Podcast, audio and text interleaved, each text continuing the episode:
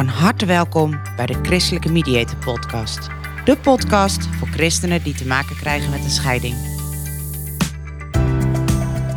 De gebrokenheid van het leven gaat aan christelijke gezinnen niet voorbij. In deze podcast geven we een stem aan alle christenen die in stilte worstelen met een scheiding. Ook besteden we aandacht aan de kinderen, die vaak machteloos aan de zijlijn staan. Een podcast waarin we de rauwe werkelijkheid onder ogen zien, informatie delen en hoop bieden. Eerlijk, oprecht en zonder oordeel.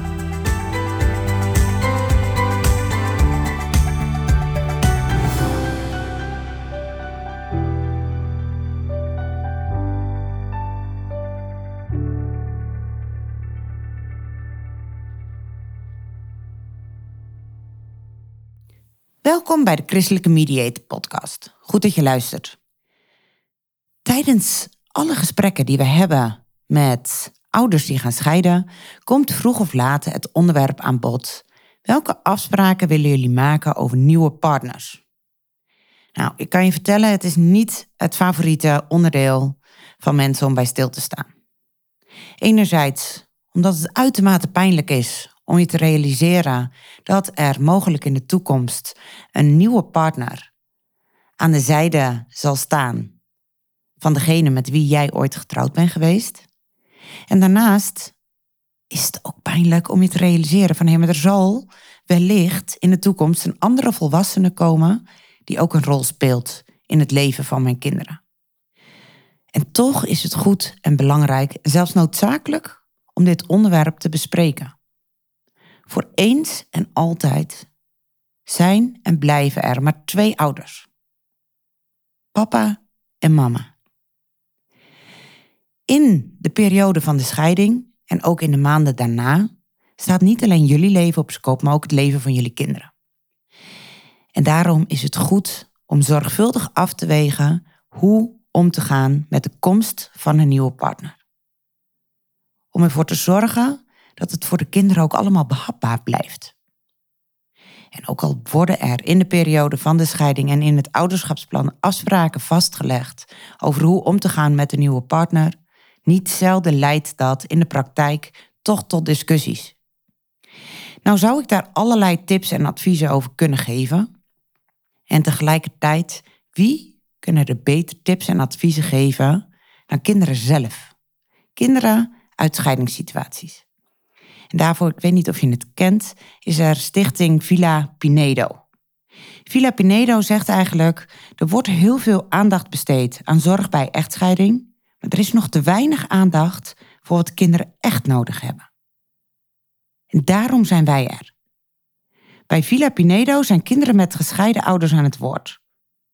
Kinderen zijn de experts en de ervaringsdeskundigen. Want nogmaals, wie weet nou beter hoe het is om te leven met gescheiden ouders dan zij zelf?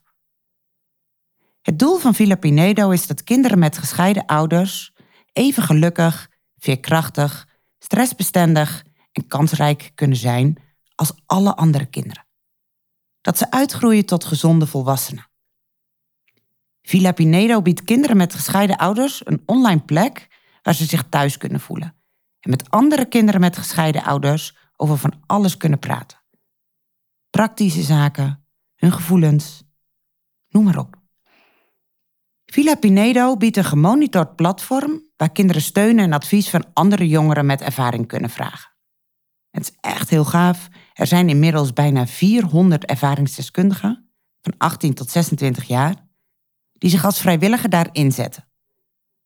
Ze steunen andere kinderen en maken volwassenen bewust van wat er in het hoofd en in het hart van kinderen met gescheiden ouders omgaat. En dat hebben ze onder andere gedaan door een open brief te schrijven aan alle nieuwe partners van hun gescheiden ouders. En die brief wil ik graag met je delen. Een brief speciaal voor jou, omdat jij een rol speelt in ons leven. Soms best een grote. Alles wat veilig en vertrouwd was, is door de scheiding ineens anders. En nu zijn papa en of mama weer verliefd. Alleen niet meer op elkaar. Aan dat idee moeten we vaak wennen. Met deze brief willen we jou laten weten hoe wij ons voelen, zodat jij ons beter kunt begrijpen en we het hopelijk heel fijn kunnen hebben met elkaar. Wist je dat sommigen van ons het best spannend vinden om jou toe te laten in ons leven? Door de roze wolk kunnen jullie vaak niet wachten om elkaars kinderen te ontmoeten. Maar voor ons is dat vaak helemaal niet zo makkelijk. Wij zien vooral dat iemand anders wakker wordt naast mama. Dat we onze plek op de bank moeten delen. En papa door de nieuwe relatie ineens minder tijd voor ons heeft. We begrijpen het wel, maar voelen ons ook verdrietig dat ons thuis ineens weer anders wordt. En wist je dat we ons best in de war voelen? Want eigenlijk zijn we heel blij dat onze ouders weer gelukkig zijn met iemand anders. Dat papa dan niet meer alleen is in het weekend en wij ons daar geen zorgen over hoeven maken. Maar we willen ook zo graag alleen tijd met papa en onze broertjes of zusjes. We vinden het vaak moeilijk om te zeggen hoe we ons echt voelen. We willen jullie geluk niet in de weg staan, dus dan zeggen we soms maar niets. Of we zeggen het juist te boos. We vinden het allemaal best ingewikkeld. Maar jij kunt ons hierbij steunen. En daarom willen we je een paar dingen vragen. Wil je ons de tijd geven om te wennen aan jou en aan de nieuwe situatie? Wil je ons vragen wat wij fijn vinden? Of ons de ruimte geven om dit met onze ouder te bespreken? Interesseer je echt in ons? Sta ervoor open om onze eigen band te creëren. Doe af en toe wat leuks met ons. We gunnen ons ook tijd alleen met papa of mama. Probeer de rol van onze ouders niet te vervangen. Papa en mama zijn heel belangrijk voor ons. Ook als we een van hen wat minder zien. Wil je daarom naast onze ouders staan als een soort extra groot team, speciaal voor ons? We snappen best dat er misschien nieuwe huisregels komen, maar we vinden het fijn als we daarover mogen meedenken. En dat onze ouders ons daarop aanspreken en niet jij. Laat ons zelf bepalen hoe we jou noemen.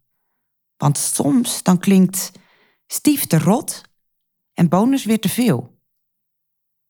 Wil je aardig zijn over de andere ouder? En als onze ouders negatief over elkaar praten, wil jij ze dan corrigeren? Vooral als we merken dat onze andere ouder jou niet leuk vindt, is het voor ons lastig om jou aardig te vinden. Dan voelt het alsof we moeten kiezen. Wil jij daar dan niet over oordelen? Wat je wel kan doen, is naar ons luisteren. Als wij tussen de twee teams instaan van wie we zoveel houden. En geef ons vooral het gevoel dat we welkom zijn. Welkom zijn in jouw leven. Een nieuwe liefde voelt als een wissel van ons vertrouwde team.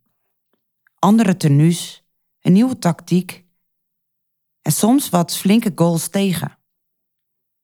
Als je ons de tijd geeft om te kunnen wennen en ons echt ziet staan, dan gaan we vanzelf weer scoren. Alleen soms duurt het even voordat we je in de basis opstellen. En over een paar jaar, dan zijn we gewoon samen kampioen. Het blijft zo bijzonder dat kinderen dus blijkbaar heel goed in staat zijn om te vertellen wat zij nodig hebben en wat zij willen. Zo ontroerend, deze brief. Een brief speciaal geschreven door kinderen van gescheiden ouders voor de nieuwe partners van hun vader en of moeder. En in de mediation gesprekken staan we natuurlijk stil bij jullie specifieke situatie. Maar voor nu wil ik juist de focus leggen op de tips en adviezen die in elke situatie gelden. Tips en adviezen speciaal gegeven door kinderen die uit deze situatie komen, die er middenin staan en als geen ander weten wat er nodig is. Doe er je voordeel mee in het belang van jou, maar vooral in het belang van de kinderen. Dank voor het luisteren naar de Christelijke Mediator Podcast. Mocht je behoefte hebben aan advies of aan een luisterend oor, schroom niet. Neem vooral even contact op.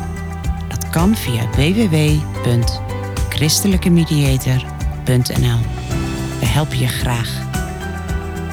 Je staat er niet alleen voor. Wil je geen aflevering meer missen? Abonneer je dan op de podcast in je favoriete luisterapp.